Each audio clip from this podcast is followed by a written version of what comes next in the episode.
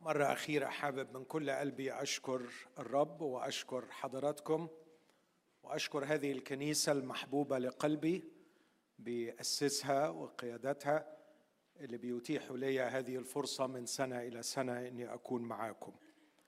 وعلى قلبي أنا عارف إن الكنيسة هتشكر لكن على قلبي أقدم فعلا شكر خاص بصفة شخصية لهذه المجموعة من الشباب الرائعين اللي بيخدمونا في هذا المؤتمر. حقيقي ثانك uh, يو يعني أقدر أقول I am impressed بحجم التواضع وإنكار الذات والتكريس والحرفية في أداء الخدمة بحيث أنه ما يكونش فيه أي إعاقة لعمل الله. وكمان آه، من قلبي رغم إنهم مش موجودين لكن ممتن لمجموعة البنات والولاد اللي بيخدموا مدارس الأحد. فعلا آه،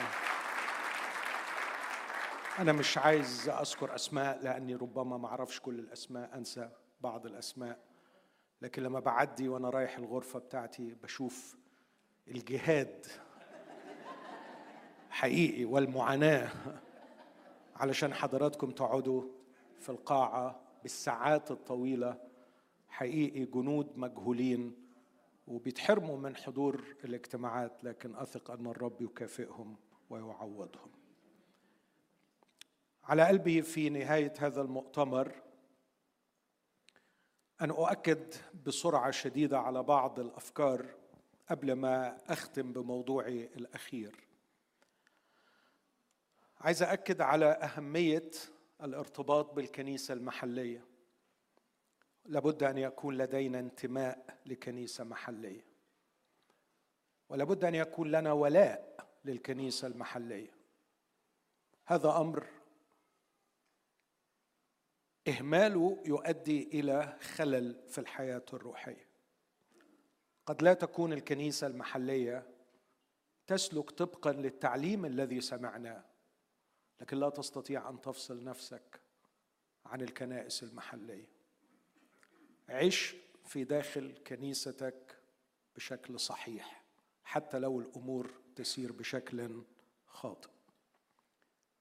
إلا طبعا في بعض الاستثناءات الفجة والاستثنائية اللي يستحيل معها الاستمرار. الأمر الثاني العبادة الكلامية مستهجنة في كل الكتاب بعهديه القديم والجديد. حسنا تنبأ عنكم إشعياء النبي أن هذا الشعب يكرمني بشفتيه لكن هذا لا ينبغي أن يؤثر على أمرين. الأمر الأول احترامنا للترانيم. الترانيم لها دور عظيم في التاريخ الكنسي وفي حياة الكنيسة. حتى الضلالات التي حدثت في تاريخ الكنيسة كانت بفعل الترانيم لأن الترانيم مؤثرة منذ البدء في تاريخ الكنيسة. فأرجو أن نصلي لأن إحنا في أزمة حقيقية. أرجو أن نصلي أن يقيم بيننا الرب مرنمين حقيقيين. بيحبوا شعب الرب وفاهمين التعليم الصحيح. من خلال حبهم لشعب الرب وفهمهم للتعليم الصحيح. ومن خلال الموهبة التي يعطيها لهم الروح القدس في كتابة الشعر أو في التلحين يعيدوا كتابة حكايتنا. نحن كشعب الرب نحتاج إلى حكايتنا ملحنة نغنيها. نشتاق أن يكون في أفواهنا ترنيمة مستمرة أغنية مستمرة. نكلم بها بعضنا بعضا حينما نلتقي وحينما ننصرف. نكلم بها أنفسنا. نحكي حكايتنا لنفسنا ولبعضنا. هذا هو غرض الترنيم. نحتاج إلى مرنمين أكفاء يكتبوا لنا القصة بشكل صحيح. ونحتاج إلى ملحنين موهوبين يلحنوها لنا بلحن تقوي. لا يدغدغ الجسد ولا يخلق حالة من الإكستسي حالة من النشوة الدينية. لا نريد نشوة دينية بل نريد لحنا جميلا يستنهض عقولنا ويعمق فينا تفكيرنا. فيما نردده. فلا تكون الترنيمة بلحنها وسيلة لإخراجنا من واقعنا بل بالعكس تزيد من تركيز عقولنا فيما نردده وفيما نقوله.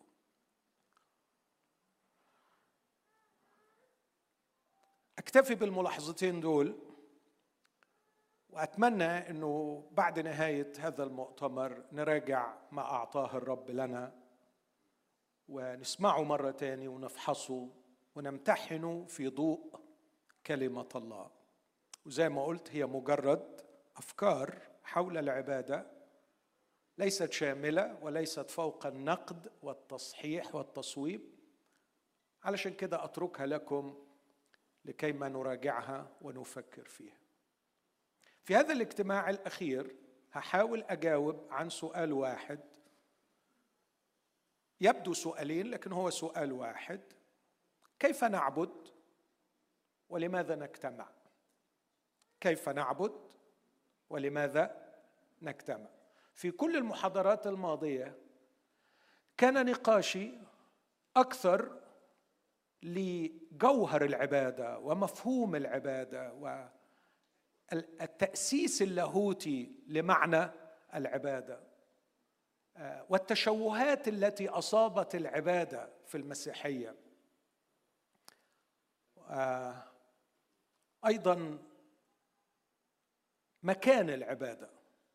وربما الاجتماع الماضي كله ركزت على هذه النقطة. مكان العبادة ليس قدس أرضي. لكننا ندخل إلى القدس السماوي إلى الأقداس عينه أتمنى العبارة دي تحط تحتها مئة خط وتعلق في أذهاننا وتبكت ضمائرنا. نحن لا نعبد الله في قدس أرضي. لم يختر الله لنا مكانا على الأرض لكي نعبد فيه. لكنه يريدنا أن ندخل بأرواحنا إلى السماء عينه إذا ده بالنسبة لك غير مفهوم وصيغة مبالغة راجع مفهومك للمسيحية. ارجع واقرأ رسالة العبرانيين. ارجع واقرأ حديث الرب الوداعي اللي اتكلمنا فيه السنوات الماضية. بإجابة مختصرة في جملة واحدة كيف نعبد؟ قلت أن نعيش كما عاش يسوع نعمل مشيئة أبينا فهو العابد الكامل هو ذا عبدي اتفرجوا عليه. مفيش أحلى من هذا العبد الذي سرت به نفسي فتايا الذي سرت به نفسي عبد الرب الكامل.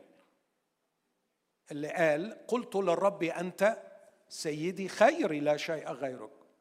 وقد عبد عباده كامله من خلال طاعته حتى الموت موت الصليب. وقال للأب أنا مجدتك مجدتك على الأرض. كيف مجد الابن الآب على الأرض كإنسان؟ العمل الذي أعطيتني لأعمل قد أكملت. أنت عابد بقدر ما تعمل إرادة أبيك الذي في السماء. أنت عابد بقدر ما تعمل إرادة أبيك الذي في السماء. وعندئذ تستحق أن تكون تلميذ ليسوع المسيح. لكن هذه الإجابة المختصرة تحتاج إلى تفصيلات عملية. طب أعمل إيه يعني؟ هل في إرشادات؟ هل في مانيوال معين هل في ما يرشدني؟ لا أستطيع أن أحدد هذا لأنه قلت أكثر من مرة أن الحياة معقدة والمجالات فيها كثيرة ونختلف أفرادنا أحدنا عن الآخر في إطاعة مشيئة الآب كيف نطيع في الظرف الفلاني. أحتاج إلى إرشاد الروح القدس. والمسيح لم يطلب منا سجود للآب دون أن يعطينا الماء الذي ينبع إلى حياة أبدية. تحبوا الروح القدس؟ حبوا الروح القدس. الروح القدس إلهنا المحبوب. هتحبه قوي لما تنتظر إرشاده وتلاقيه بيغيتك في وقت الزنقة ويلهمك وتلاقي روحك بتقول له ما تحرمنيش منك يا روح الله فعلا. الآب أعطانا الابن. والابن أعطانا الروح. والروح يقدم الابن من خلالنا إلى الآب. فأدخلنا إلى هذه الشركة الثالوثية العجيبة. هذه هي العبادة المسيحية. لكن هذا لا يمنع أن الروح القدس في الكلمة المقدسة أضاف إلينا بعض الإرشادات العملية اللي من خلالها ممكن نسترشد كيف نعبد. فهجاوب في الأول على هذا السؤال كيف نعبد وبعدين أجتهد على قد ما الرب يديني إني أنتقل إلى لماذا نجتمع؟ لا. لماذا نجتمع؟ كيف نعبد ولماذا نجتمع؟ النص ده نص مؤسس عظيم. المرة الوحيدة التي ذكرت فيها كلمة العبادة في صيغة الاسم عبادتكم العقلية. هنا أحتاج إلى معرفتكم السابقة بكلمة الله. رسالة روميا متقسمة تقسيم بديع إنها تشرح الإنجيل في ثمان أصحاحات من روميا واحد لروميا ثمانية. وبتقول لنا رحمة الله ماذا قدمت لنا. وأرجوكم ارجعوا للرسالة وشوفوا. افتقدنا بأحشاء رحمة من العلاء. وأعطانا الخبر المفرح. رسالة روميا هي أروع رسالة تشرح إنجيل الله في الثمان أصحاحات الأولى. من 9 ل 11 كان ملتزما أن يشرح علاقة الإنجيل بما سبق. من 12 ل 15 ما هو فعل الإنجيل في حياة أولاد الله؟ الله أعطى ماذا سنعطي؟ سنعطي عبادة. وعشان كده افتتاحية أصحاح 12 قدموا عبادتكم العقلية. بس ده العنوان. ده عنوان الكتاب. ده عنوان المانيوال.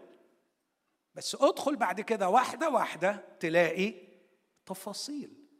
وهتفاجأ إنه بيقول لك كيف تعبد؟ ويدي لك التفاصيل. ستعبد الرب في علاقتك باخوتك وعشان كده ينبغي أن نجتمع. وستعبد الرب في علاقتك بالناس في الخارج. وستعبد الرب في علاقتك بمن يعادونك ويظلمونك من الخارج. وسوف تعبد الرب مع الأخ الضعيف ومع الأخ القوي. وسوف تعبد الرب مع الحكومة لأنه بيدينا أصحاح تقريبا كامل كيف نتعامل مع حكوماتنا. في مجالات العلاقة الداخلية في الكنيسة في مجال العلاقة البيتية مع عائلتي في مجال علاقتي في العمل كلها مجالات مفتوحة لكي أسجد في السماء وأتمم مشيئة الله على الأرض فأكون عابدا حقيقيا. فهمنا الفكرة؟ فالتفاصيل اللي ممكن أقراها دلوقتي هي channels. تقدر من خلالها تعمل إيه؟ تعبد الرب. هقرا بسرعة علشان الوقت. بس قبل ما أقرأ أحب أقرأ هذا التعليق لهذا الرجل إرنست كاسمان أنا امبارح آه، غلطت في الراجل الألماني لأنه السبت بالليل ما تاخدوش عليا اطلاقا. وخدوها يعني قاعدة. أي اجتماع السبت مساء في هذا المؤتمر ما تحاسبونيش عليه. فأنا امبارح نسبت شرح رسالة روميا اللي شجعت على قراءته لواحد تاني هقوله بعد شوية. لكن كاسمان هو من أروع من شرحوا رسالة روميا. اسمع يقول إيه؟ التحريضات التي يقدمها بولس في روميا 12 15 هي تفصيل وتوضيح لنوع العبادة العقلية والتي كانت اسمع وركز في ذلك الوقت شيئا جديدا بالضرورة. جديد على اليهود وجديد على اليونانيين. حاجة جديدة قوي موضوع العبادة العقلية بمفهوم مسيحي. وكان لابد من الاعتراف بها على هذا النحو ومن ثم ممارستها. إن الأوقات والأماكن المقدسة اللي عند اليهود السبت والهيكل والعيد والمحفل إن الأوقات والأماكن المقدسة يحل محلها. بص العبارة اللي جاية دي. النشاط العام الأخروي. Scatological action. إن الناس الذين يعبدون في المسيحية آتون من العالم الآخر بس عايشين على الأرض. طب إزاي جايين من العالم الآخر؟ هو بصراحة ده الاختبار المسيحي إنه دخلك من دلوقتي في العالم الآخر. فنحن سكان السماء وسكان الدهر الآتي وجنسيتنا هي في السماويات. طب إزاي إحنا ما رحناش عشان نيجي؟ هو جابه لنا. بدخول الابدي إلى الزمن جعل لنا قدما في الزمن وقدم في الأبد. وبقيت بقدر بروحي أسجد في العالم الروحي عالم السماء وأتمم مشيئة الله في الزمان.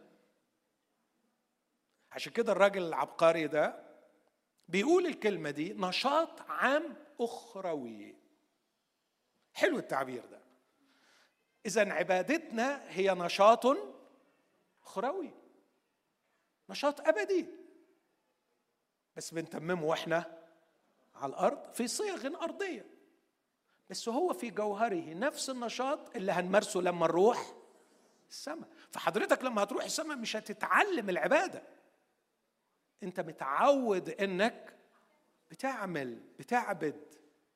طبعا مع الرفض التام للفكرة الساذجة إن هنروح السماء نقعد على ريكلاينرز ونمسك قيثارات ونغني. السماء دي أنا شخصيا ما تلزمنيش ولا أحبها ولا أحب أروحها. لا. لكن انفتاح لفكر الآب واستقبال جيد لصلاحه ومشيئته وإتمام مطيع كيسوع ابنه. هذه هي العبادة. النشاط الأخروي. الكلمتين دول من عندي علشان أوضح كلمة النشاط الأخروي. مواطني السماء سكان الظهر الآتي. بيقول عنهم بص هو ده كلامه لأولئك الذين يقفون في كل الأوقات وفي كل الأماكن أمام وجه المسيح.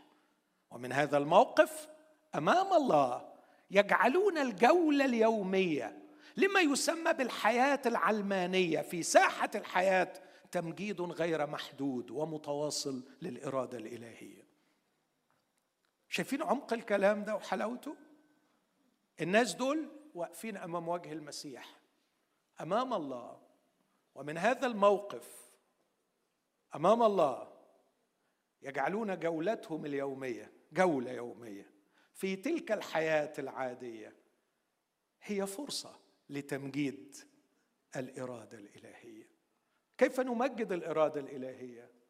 أن أطيعها وأتممها. فجسدي هو بنك الطاقة لفعل الإرادة إرادة أبي. بعدين بيقول عند هذه النقطة تتلاقى العبادة والأخلاق المسيحية. فجعل العبادة هي أساس الأخلاق. عندما غاب هذا المفهوم العبادي ضاعت الأخلاق. وبقينا بقى كل طائفة تعمل لستة بالحرام والحلال واللي ينفع واللي ما ينفعش ونتخانق مع بعض. ده يجوز وده لا يجوز وده يجوز فيه الوجهان وده يجوز فيه الأربع أوجه. وفي حيرة شديدة لأننا فقدنا العبادة ففقدنا الطريق للأخلاق الصحيحة. تعال بقى نشوف رومية 12 أدي مجالات العبادة. كيف نعبد؟ يكمل على طول بعد ما قال عبادتكم العقلية وبعدين نتكلم شوية عن علاقة الشخص بنفسه إنه لا يرتقي فوق ما ينبغي. ودي عبادة عبادة أن لا ترتقي فوق ما ينبغي. يعني بتقعد تظبط نفسك علشان ما تشوفش روحك أكبر من حجمها ولا أقل من حجمها فترتقي إلى التعقل. وبعدين يقول في علاقتنا ببعض لنا مواهب مختلفة. النبوة اللي عنده نبوة فبالنسبة إلى الإيمان. أم خدمة؟ ففي الخدمة. أم المعلم؟ ففي التعليم. أم الواعظ ففي الوعظ. المعطي؟ فبسخاء. المدبر؟ فباجتهاد. الراحم؟ فبسرور. كل دي مجالات عبادة. كل دي مجالات العبادة. النبوة كشف فكر الله. هي من نصيب كل الأفراد لكنها قد تكون بشكل بشكل موهبة متميزة للبعض. الله يتكلم لنا من خلال بعضنا البعض. الله فينا كي نفهم مشيئته ونطيعها. الخدمة لما يقول أم الخدمة ففي الخدمة نشاط خدمي عملي يكشف لنا قلب الله. زي الولد الجميل ده اللي بيجيب لي إزازة المايه اللي بيجيب لي المايك. اللي بيطلع يحط الكمبيوتر. اللي بيدي لك بون علشان تروح تاخد الغداء بتاعك. هذا يعبد الله. يعبد الله لأنه بيخدم أولاد الله. العبادة العقلية اللي قالها في رومية 12 2 ترجمتها في النص اللي بعده. إنه لما يكون حد عنده روح خدمة يعمل إيه؟ يخدم. أما الخادم أم خدمة ف في الخدمة. ما هي الخدمة? نشاط عملي. خدت حد وصلته المستشفى. قعدت مع حد مريض. خدمة. رحت ساعدت واحد في استخراج ورقة. عبادة. ترجمة العبادة العقلية. المعلم يفصل كلمة الله بالاستقامة. يشق الطرق المستقيمة لأولاد الله ليصلوا من خلالها لحق الله فكر الله وقلب الله فيتمكنوا من طاعة الله. الواعظ الدعم النفسي لأولاد الله للسير في طرق الله. المعطي الدعم المادي لأولاد الله للسير في طرق الله. عندك فلوس؟ استعملها صح. بإنك تدعم أولاد الله لكي يسيروا في طرق الله. مش عشان تدلعهم مش عشان تبسطهم لكن لكي يتمموا مشيئة الله على أفضل وضع. المدبر اللي هم القادة الليدرز الدعم الخبراتي والإداري لأولاد الله. للسير في طرق الله. الراحم إسعاف من يصاب من أولاد الله لكي يقوموا ويواصلوا المسير في طرق الله. كمل الرسول ويقول ودينا بعضكم بعضا بالمحبة الأخوية مقدمين بعضكم بعضا في الكرامة. العبد في علاقته بإخوته محبة الأخوية تدفعه لتحمل مسؤولية سلامة أخيه والتدرب على تقديمه عنه في الكرامة. الشعور مسؤول وراقي. العابد مسؤول وراقي. ممكن تقول معايا الكلمتين دول؟ العابد مسؤول وراقي. في علاقته بالعمل النص ده بيطبق غلط وبيتوعظ فيه غلط. غير متكاسلين في الاجتهاد حرين في الروح عابدين الرب. بتترجم على إنه في الكنيسة. ملهاش دعوة بالكنيسة اطلاقا. دي في العمل. في علاقتي بالعمل الاجتهاد في العمل. بقلب من القلب كما للرب. مجتهد ومخلص. وحار في الروح في العمل. يعني روحه في العمل حارة عايز يشتغل من القلب. لأنه يفعلها كما للرب وليس للناس. ليس برؤية العين لكن واحد واقف قدام الله. وبعدين يقول إنك لما تجتهد في العمل وتكون حار في الروح في العمل أنت تعبد. تخيل يعني جه هنا وقال عابدين الرب. عشان يقول لنا إنه وأنت في العمل تعبد الرب. العابد مجتهد ومخلص. قولها. العابد مجتهد مجتهد في شغله ومخلص في عمله. في علاقته بالضيق فرحين في الرجاء صابرين في الضيق مواظبين على الصلاة. في علاقته بالضيق التوقع الإيجابي الاستفادة من الضيق سكب النفس. فالعابد صبور وإيجابي. قولها.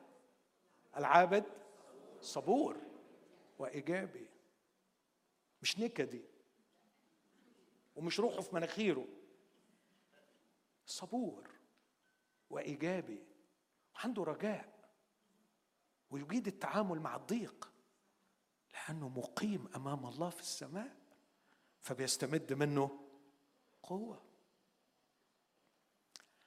من جهة احتياجات القديسين مشتركين في احتياجات القديسين عاكفين على إضافة الغرباء في علاقته بالعطاء الاشتراك والشجاعة. لأنه على فكرة عاكفين على إضافة الغرباء هنا مش واحد يعني جاي من مصر فتستضيفه. لكن الغرباء ساعتها كانوا يا حرام اللي طردوهم من بيوتهم فإنك تتوحد معاهم وتقبلهم أنت بتعرض نفسك للخطر. فالعابد هنا كريم وشجاع. قولها. يس مسؤول وراقي مجتهد ومخلص صبور وإيجابي كريم وشجاع. هي دي العبادة. هي دي العبادة. معلش ما بقدرش أمنع نفسي وسامحوني على طول لساني أحيانا. مش بقين يوم الحد. مش بقين يوم الحد مش غنوتين يوم الحد.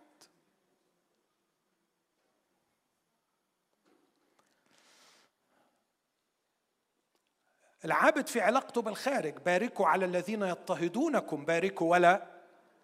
في علاقته بظالميه يبارك ونقي يبارك ونقي. في علاقته بالمجتمع مشارك صادق غير منعزل فرحا مع الفرحين وبكاء. ده مش بيتكلم عن الكنيسة ده بيتكلم عن العلاقة بالمجتمع. مشارك غير منعزل صادق. زمان قريت للدكتور زكريا إبراهيم الفيلسوف المصري بيقول أنا عجباني قوي كلمات الكتاب المقدس فرحا مع الفرحين وبكاء مع الباكين بس لما فكرت فيها وده في كتاب فلسفي وهو رجل غير مسيحي يقول لا أجد صعوبة ابدا في طاعة النصف الثاني بكاء مع الباكين لكن لا أستطيع أن أتصور إني أرتقي إلى مستوى فرحا مع الفرحين. قلت الراجل ده بيفهم الكتاب أحيانا أكثر مننا. صادق. لما بيفرح مع حد بيفرح بجد. ولما بيبكي مع حد بيبكي بجد العابد مهتمين بعضكم لبعض اهتماما واحدا غير مهتمين بالأمور العالية بل منقادين إلى المتضعين. لا تكونوا حكماء عند أنفسكم. لا يتأثر بروح العصر رغم رغم مشاركته. صلب. مش سايب روحه في حالة السيولة فكل ما يلاقي أفكار عالية في المجتمع يجري وراها لكن صلب. في علاقته بالناس لا يجازي بالشر ولا يساعد على حدوثه فهو شخص صالح. لا تجاز أحدا عن شر بشر. معتنين بأمور حسنة قدام جميع الناس. اوعوا تنسوا يا أحبائي أنا أتكلم عن العبادة.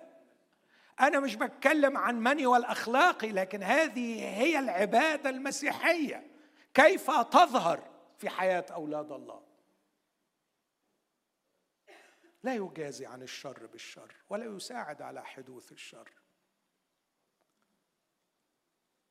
إن كان ممكنا فحسب طاقتكم سالموا جم... المسالمة الممكنة.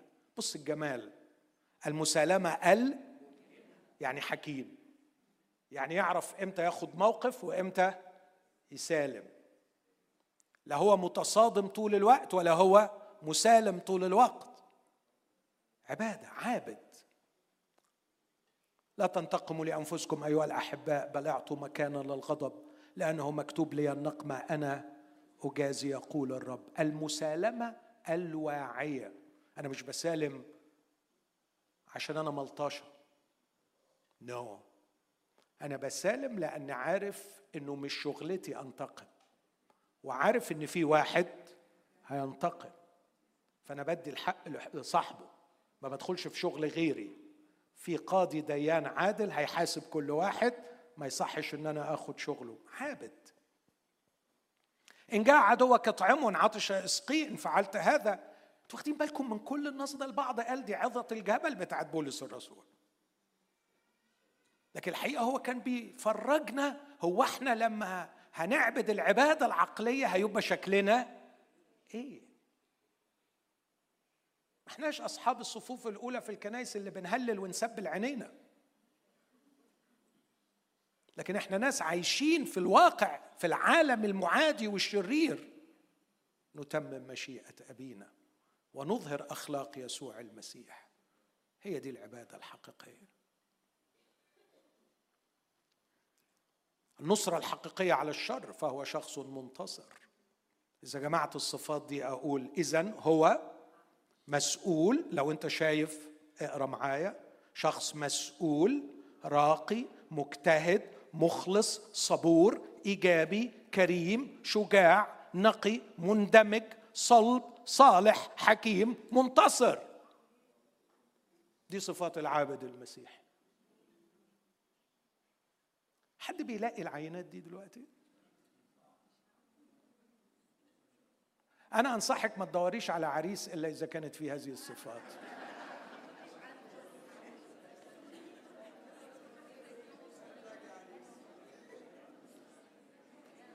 عارفين ليه ما بنشوفش ده؟ لأنه ما فيش عبادة. في أنشطة دينية تبغي النشوة الدينية أو لترجيه وثنية للأسف نسعى من ورائها لراحة الضمير أو للحصول على الخلاص. احترزوا يا أحبائي إحنا محتاجين عبادة حقيقية. النص الثاني لا يقل روعة في هذا أيضا. اتأملنا الصبح فيه مش كده؟ ياه من أروع النصوص اللي بتقول بتجاوب عن أين يعبد المسيح. لم تأتوا إلى جبل ملموس لكن أتيتم إلى جبل صهيون إلى مدينة الله الحي أورشليم. أنا ما كانش عندي وقت. أورشليم السماوية دي نقرأ عنها فين تاني؟ سفر الرؤيا. أيوه بس ده لسه سفر الرؤيا لسه. بس الرسول هنا بيقول بتروحوا لها من دلوقتي. في سفر الرؤيا هنلاقيها نازلة من السماء. فأورشليم السماوية موجودة فين؟ في السماء وهتنزل لنا من السماء. بعد كده. بس عندك فكرة إنك تقدر تروحها من دلوقتي. شفتوا الاثنين اتخلطوا على بعض واخدين بالكم؟ الظهر الآتي اخترق ظهر الحاضر. واو. أنا شخصيا متعزي ما أعرفش أنتم متعزين زي ولا لا. هل لي أن ألمس شوارعها من الآن؟ هل لي أن أرى جمالها من الآن؟ هل لي أن أخطوها بروحي وأسير في دروبها من الآن؟ أورشليم السماوية. مقر الله وملكه العتيد. من الآن؟ هذا عمل الروح القدس. إذ يأخذني بروحي إلى أورشليم السماوية من الآن. عشان كده لما هروحها ما بتبقاش غريبة عليا لأني متعود عليها. كل الجديد إن هروحها بجسمي لكني اعتدت أن أذهب إليها بروحي.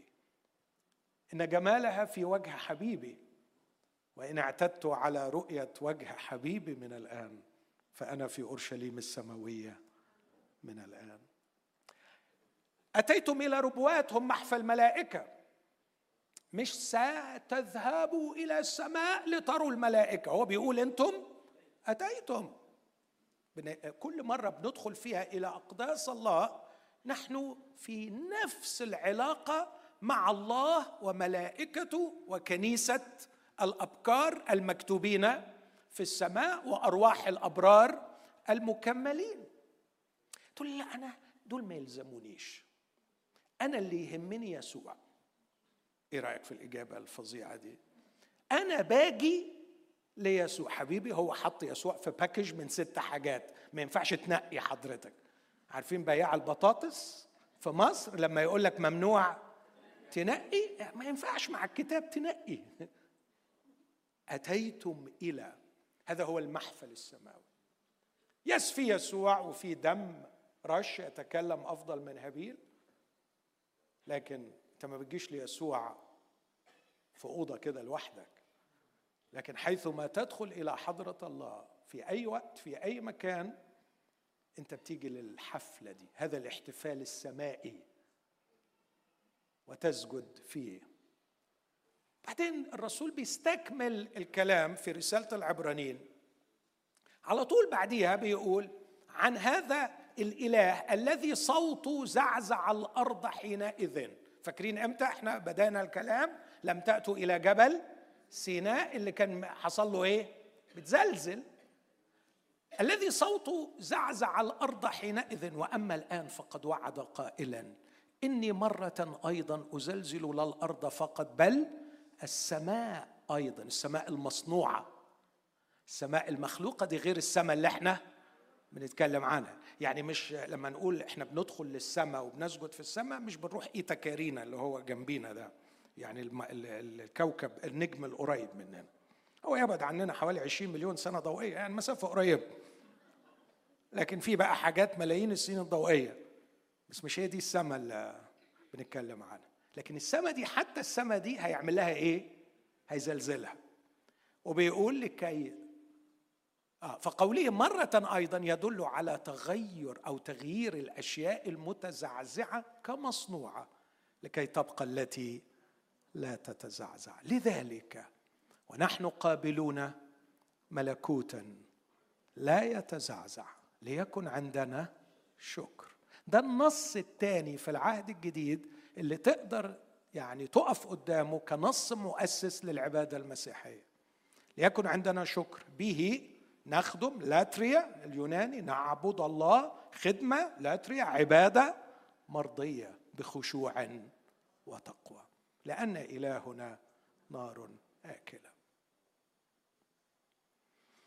ليكن عندنا شكر. مش هتعرف تعمل ولا حاجة من اللي سبق وقلناهم. إذا لم يكن قلبك ممتلئ بالجراتيتيود والسنس اوف أو خشوع وتقوى بص الجمال بتاع العبارة ليكن عندنا شكر. نخدم الله خدمة مرضية بإيه؟ خشوع وتقوى. إذا ما هي إمكانياتك لكي تعبد الله؟ ما الذي خلق فيك الروح القدس ليجعلك عابدا مسيحيا؟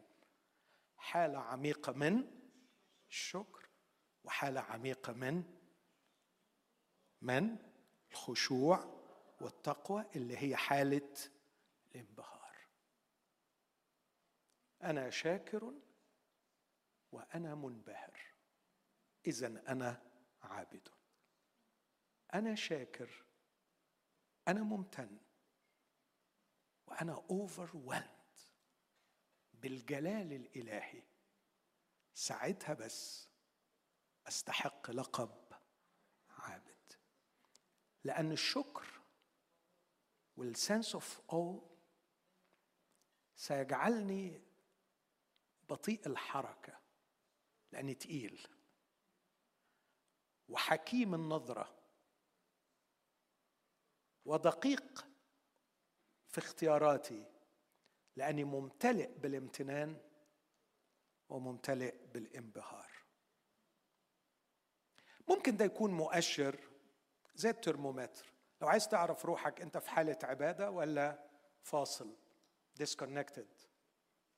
ممكن تسأل نفسك سؤال من دول. هو أنا قد إيه النهارده ممتن؟ هو أنا قد إيه النهارده منبهر.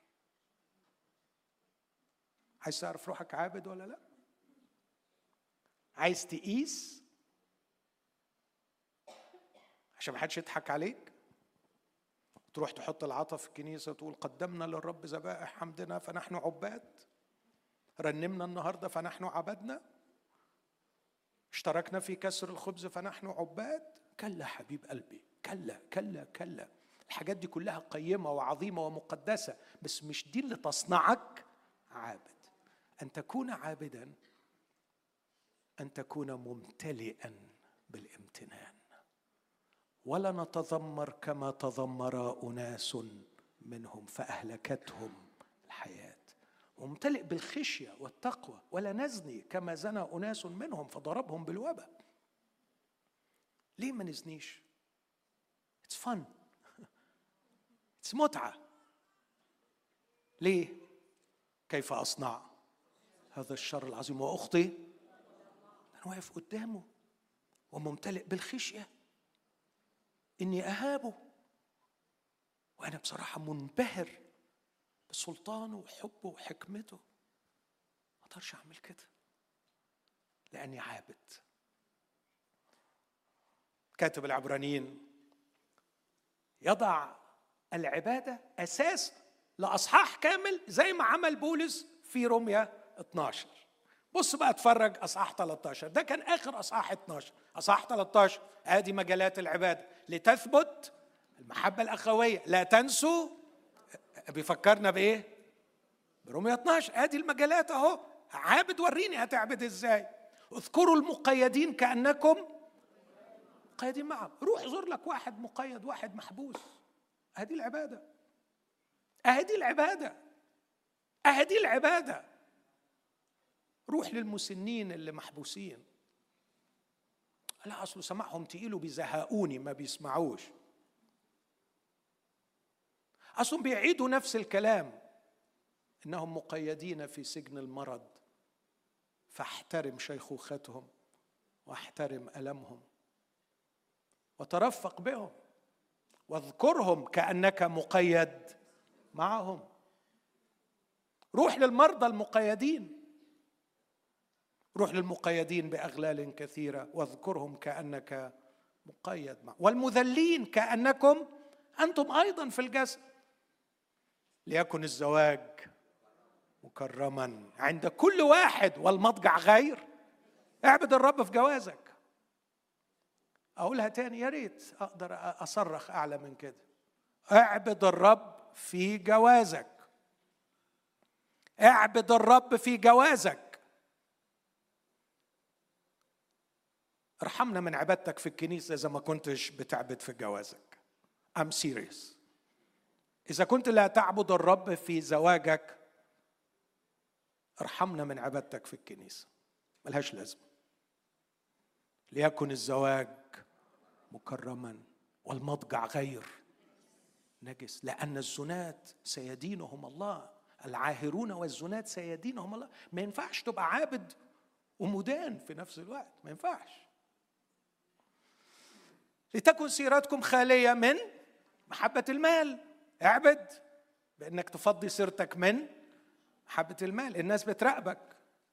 وهيقولوا ده بيحب الفلوس ولا ما بيحبهاش.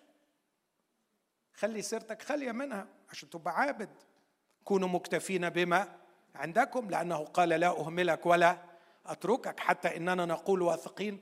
إيه لازمة كل الكلام ده؟ لأنه قال لهم اعبدوا الرب فلازم يديهم تبس إزاي هنعبد الرب؟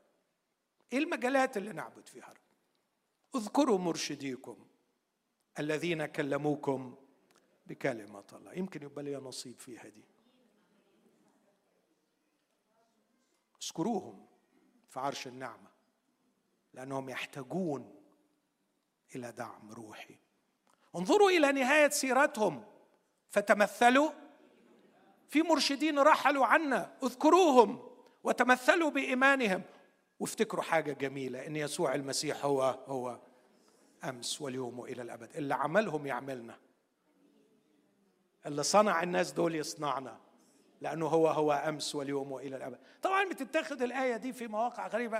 أنا بقى لازم أكسب مليون جنيه لأن يسوع المسيح هو هو أمس واليوم وإلى الأبد. أنا عيان لازم يشفيني علشان هو.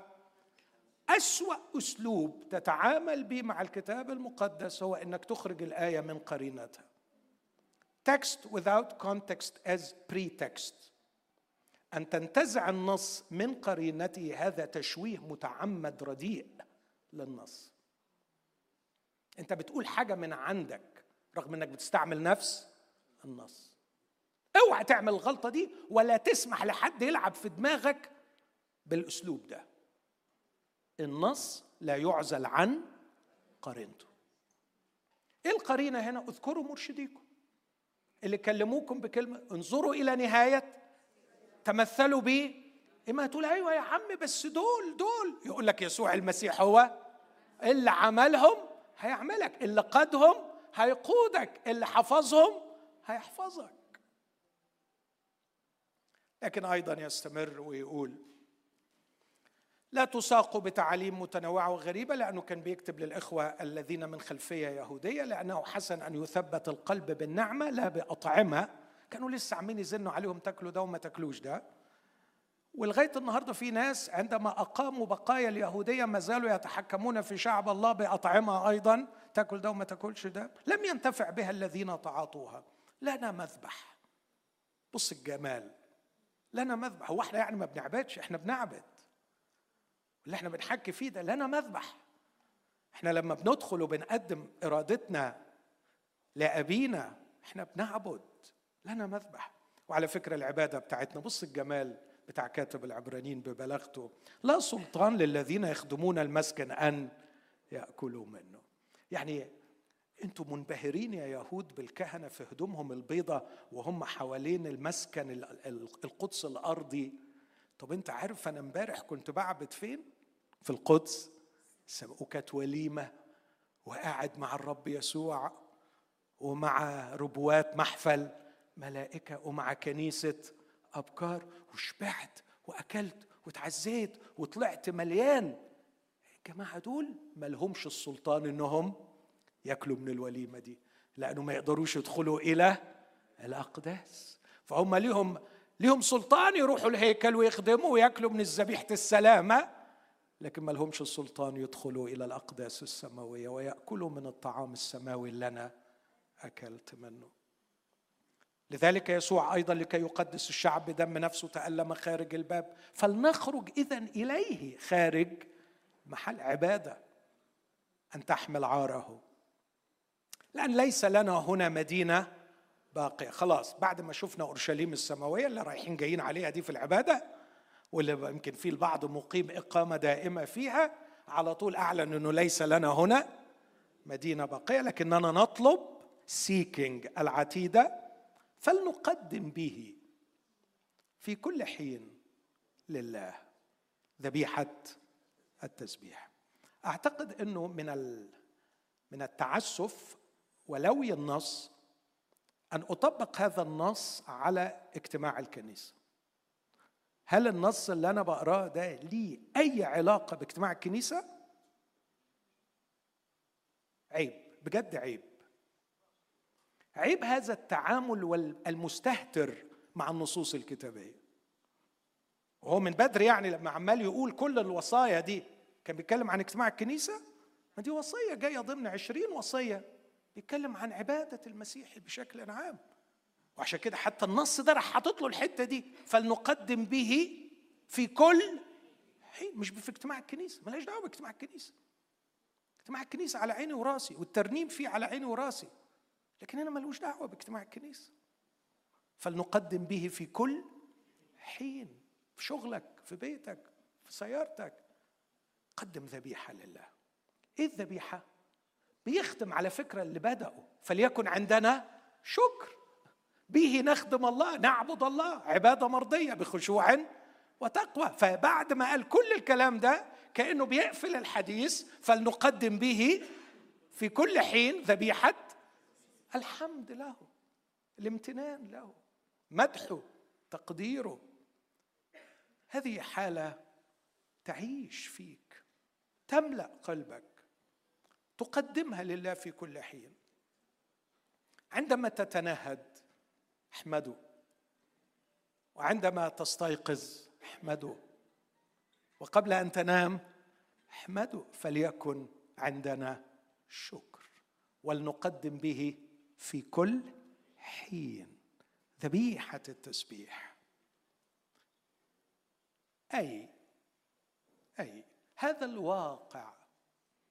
ثمر شفاه معترفة باسمه. إن اعترافنا باسمه وإعلان ولاءنا له واعلان انتمائنا له وإعلان دخولنا في علاقة معه. يملأ قلوبنا بالشكر والتسبيح فيجعل حديثنا مختلفا. يجعل حديثنا مختلفا.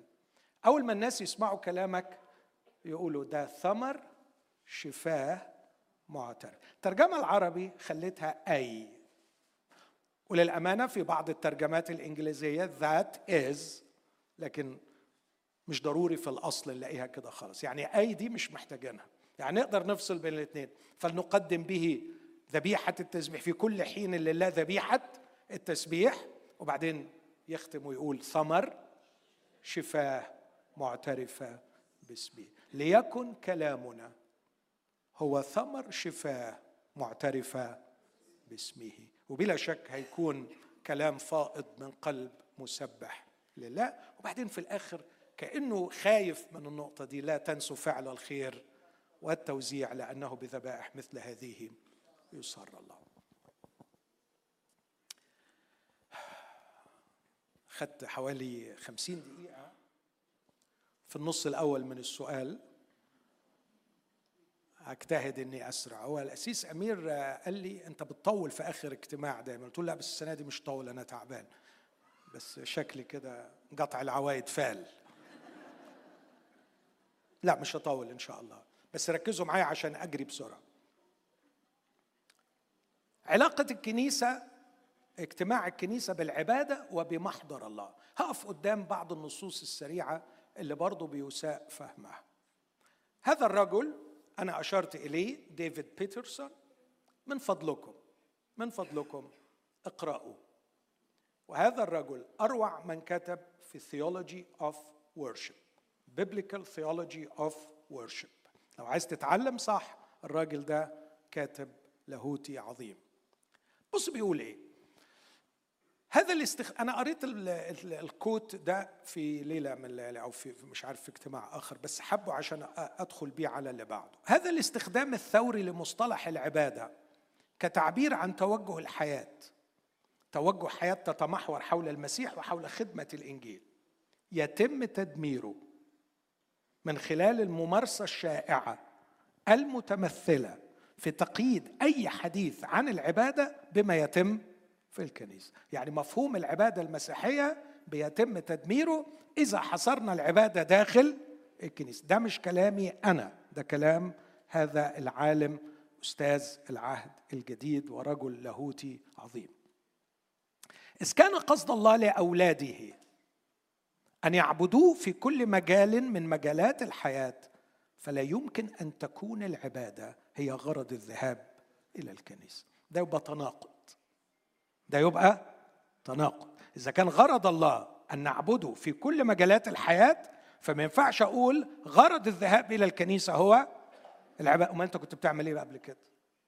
بتعمل إيه قبل كده؟ بتمثل؟ بطلت تبقى عابد؟ ما تبقاش مسيحي.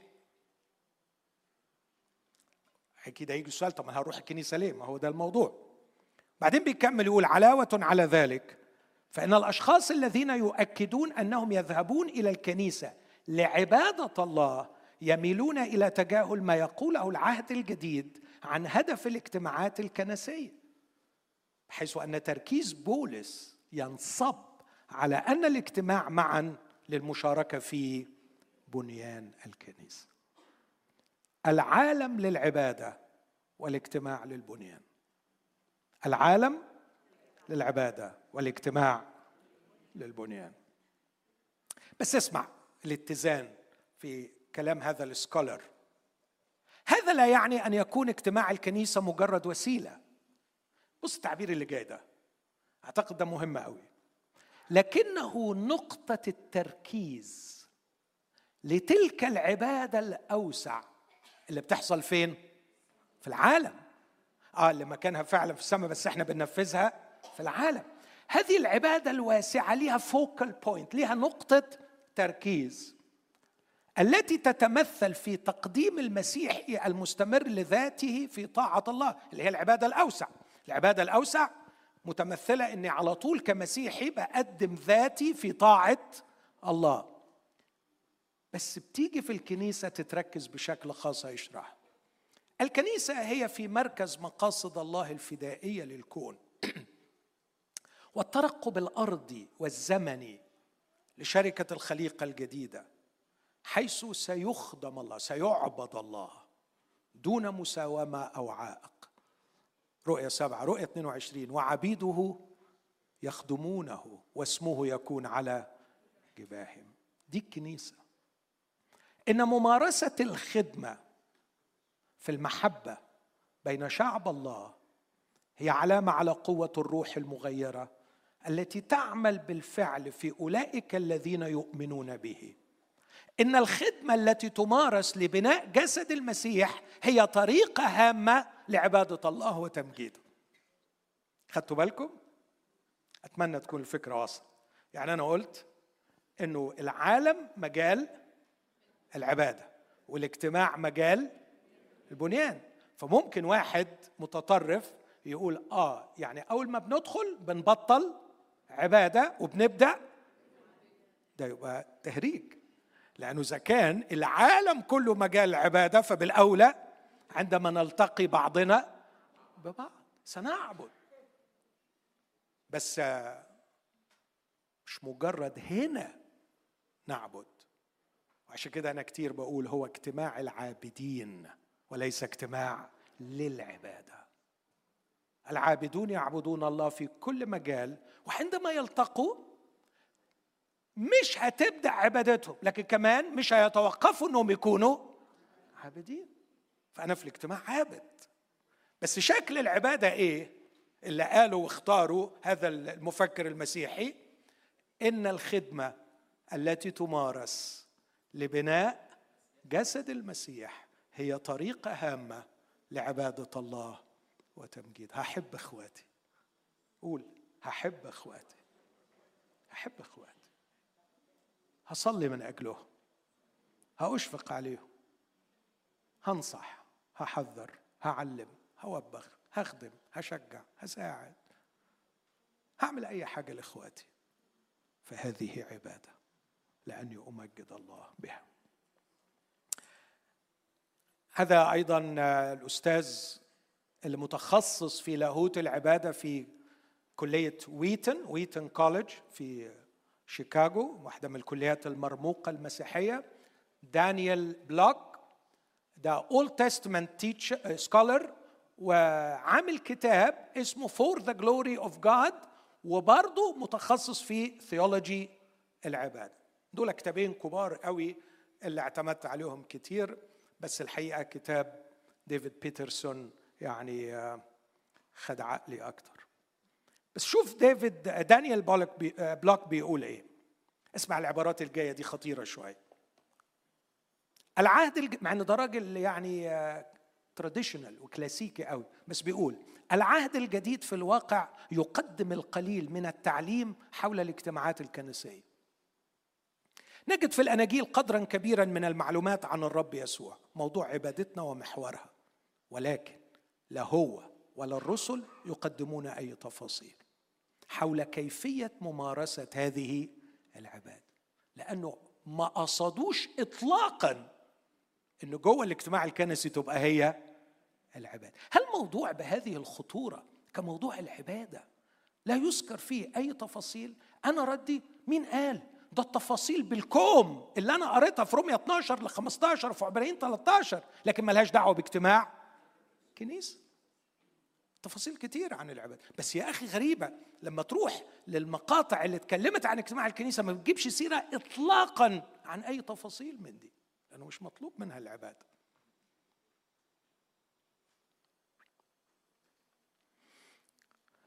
باستثناء التأكيد على ده اللي في الأناجيل على فريضة العشاء الرباني والمعمودية في سفر أعمال الرسل يروي لوقا العديد من المشاهد الكنسية زي مثلا أعمال اتنين النص المشهور.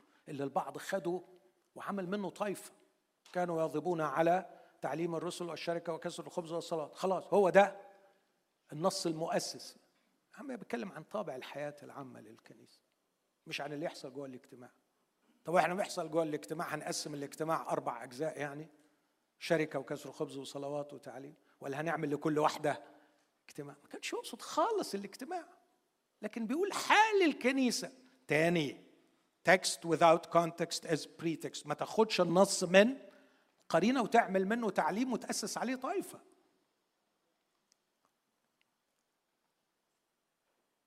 ولكنه يقدم القليل حتى لوقا من التعاليم الملموسه حول الممارسات المعيارية للكنيسة المستقبلية. ما فيش في سفر الأعمال يقول لنا الكنيسة لما تجتمع تعمل إيه؟ خالص. كنورمز كقواعد في إشارات لحاجات. يعني بولس قعد يوعظ لغاية نص الليل. ينفع الكلام ده دلوقتي؟ كتير من المفسرين المسيحيين بيقولوا ان ممارسة كاس الخبز كانت كل يوم وكانت في البيوت. ما ما ادناش تشريع ما فيش نورمز يلقط واحد حتة ويروح يعمل عليها قصة كبيرة. في رسائله اسمع غالبا ما يتعامل بولس مع الانتهاكات في الكنائس التي أسس ويجيب أمثلة كتير. انتهاكات لها آثار على العبادة الجماعية. لكن كل الرسائل موضوعها هو السلوك اليومي للمؤمنين وليس لترجيه للكنيسة. فالرسائل الرعوية يقدم وصايا عن شخصية وسلوك أولئك الذين يقودون الكنيسة أكثر من ممارسة العبادة الجماعية. تحتوي الرسالة إلى العبرانيين على الكثير لتقول عن العبادة أكثر من أي نصوص السابقة لكن فقط ليوضح الاختلاف بين العبادة المسيحية وعبادة إسرائيل. يقدم سفر الرؤيا التعليم الأكثر تفصيلا عن العبادة المسيحية ولكن هذه العبادة تقع في السماء وليس على الأرض.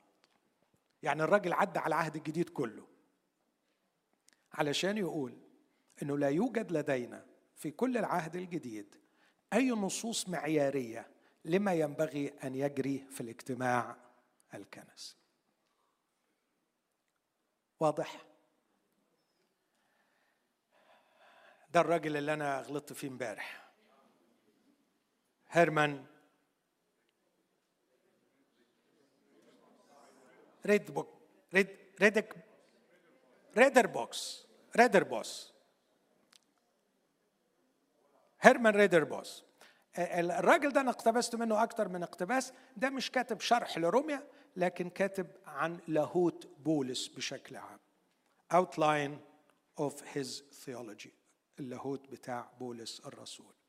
بيقول التعبير ده وبعديها هوقفكم وترنموا ترنيمة مع سامع علشان كده يجددوا نشاطهم ونشرب شوية مية. يقول قد يكون من الأفضل أن نتحدث عن اجتماع العبادة الجماعية. بص تعبير هنا اللي هو بيختاره.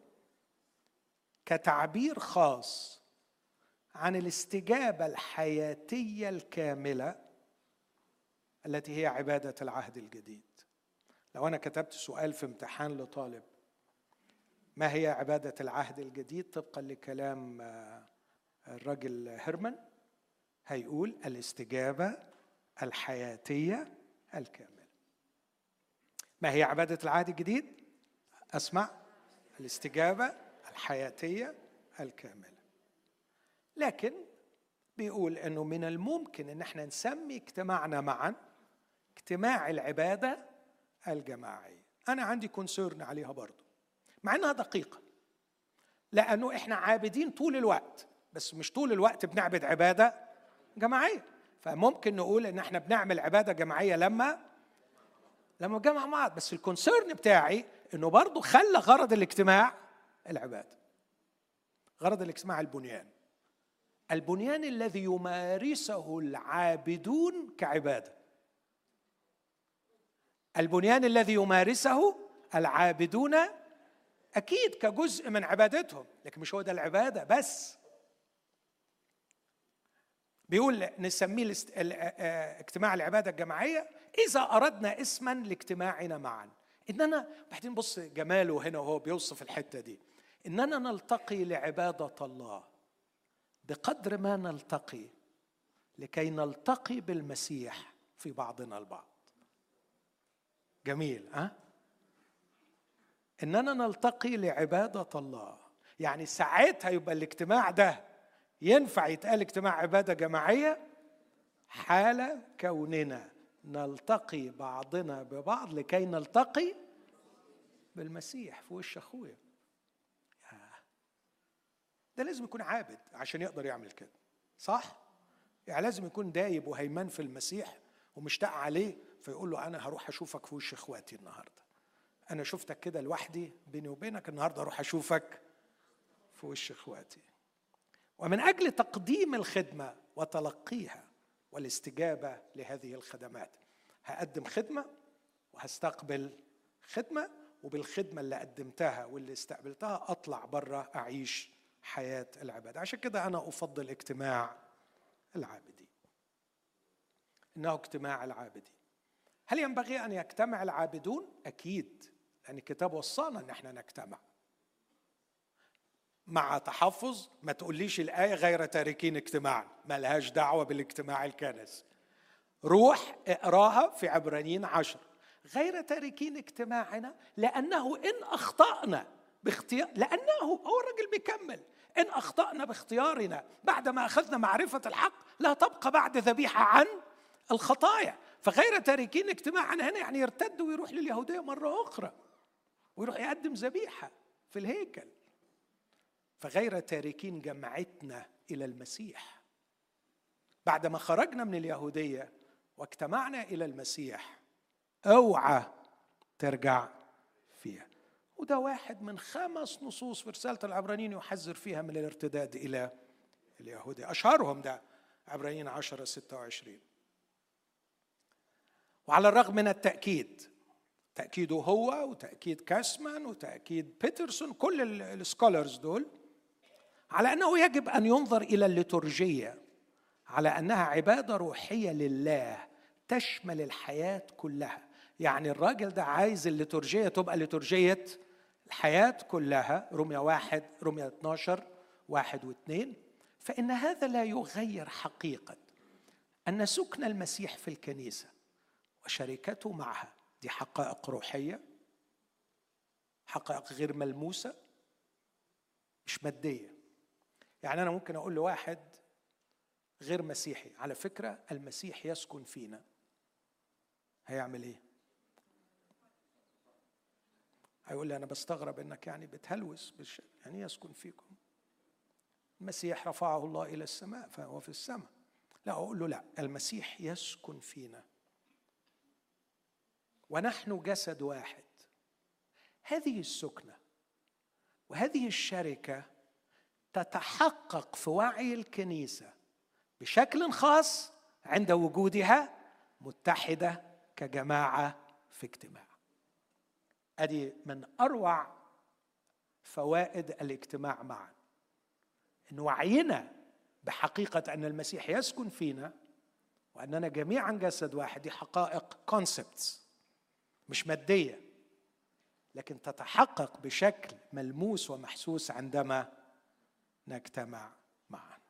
أنا اللي باقي لي مش كتير لكن استأذنكم نقف ونرنم مع سامح ترنيمة آه، تشعل من علاقتنا بالرب وتؤكد أهمية وجودنا معا مجتمعين.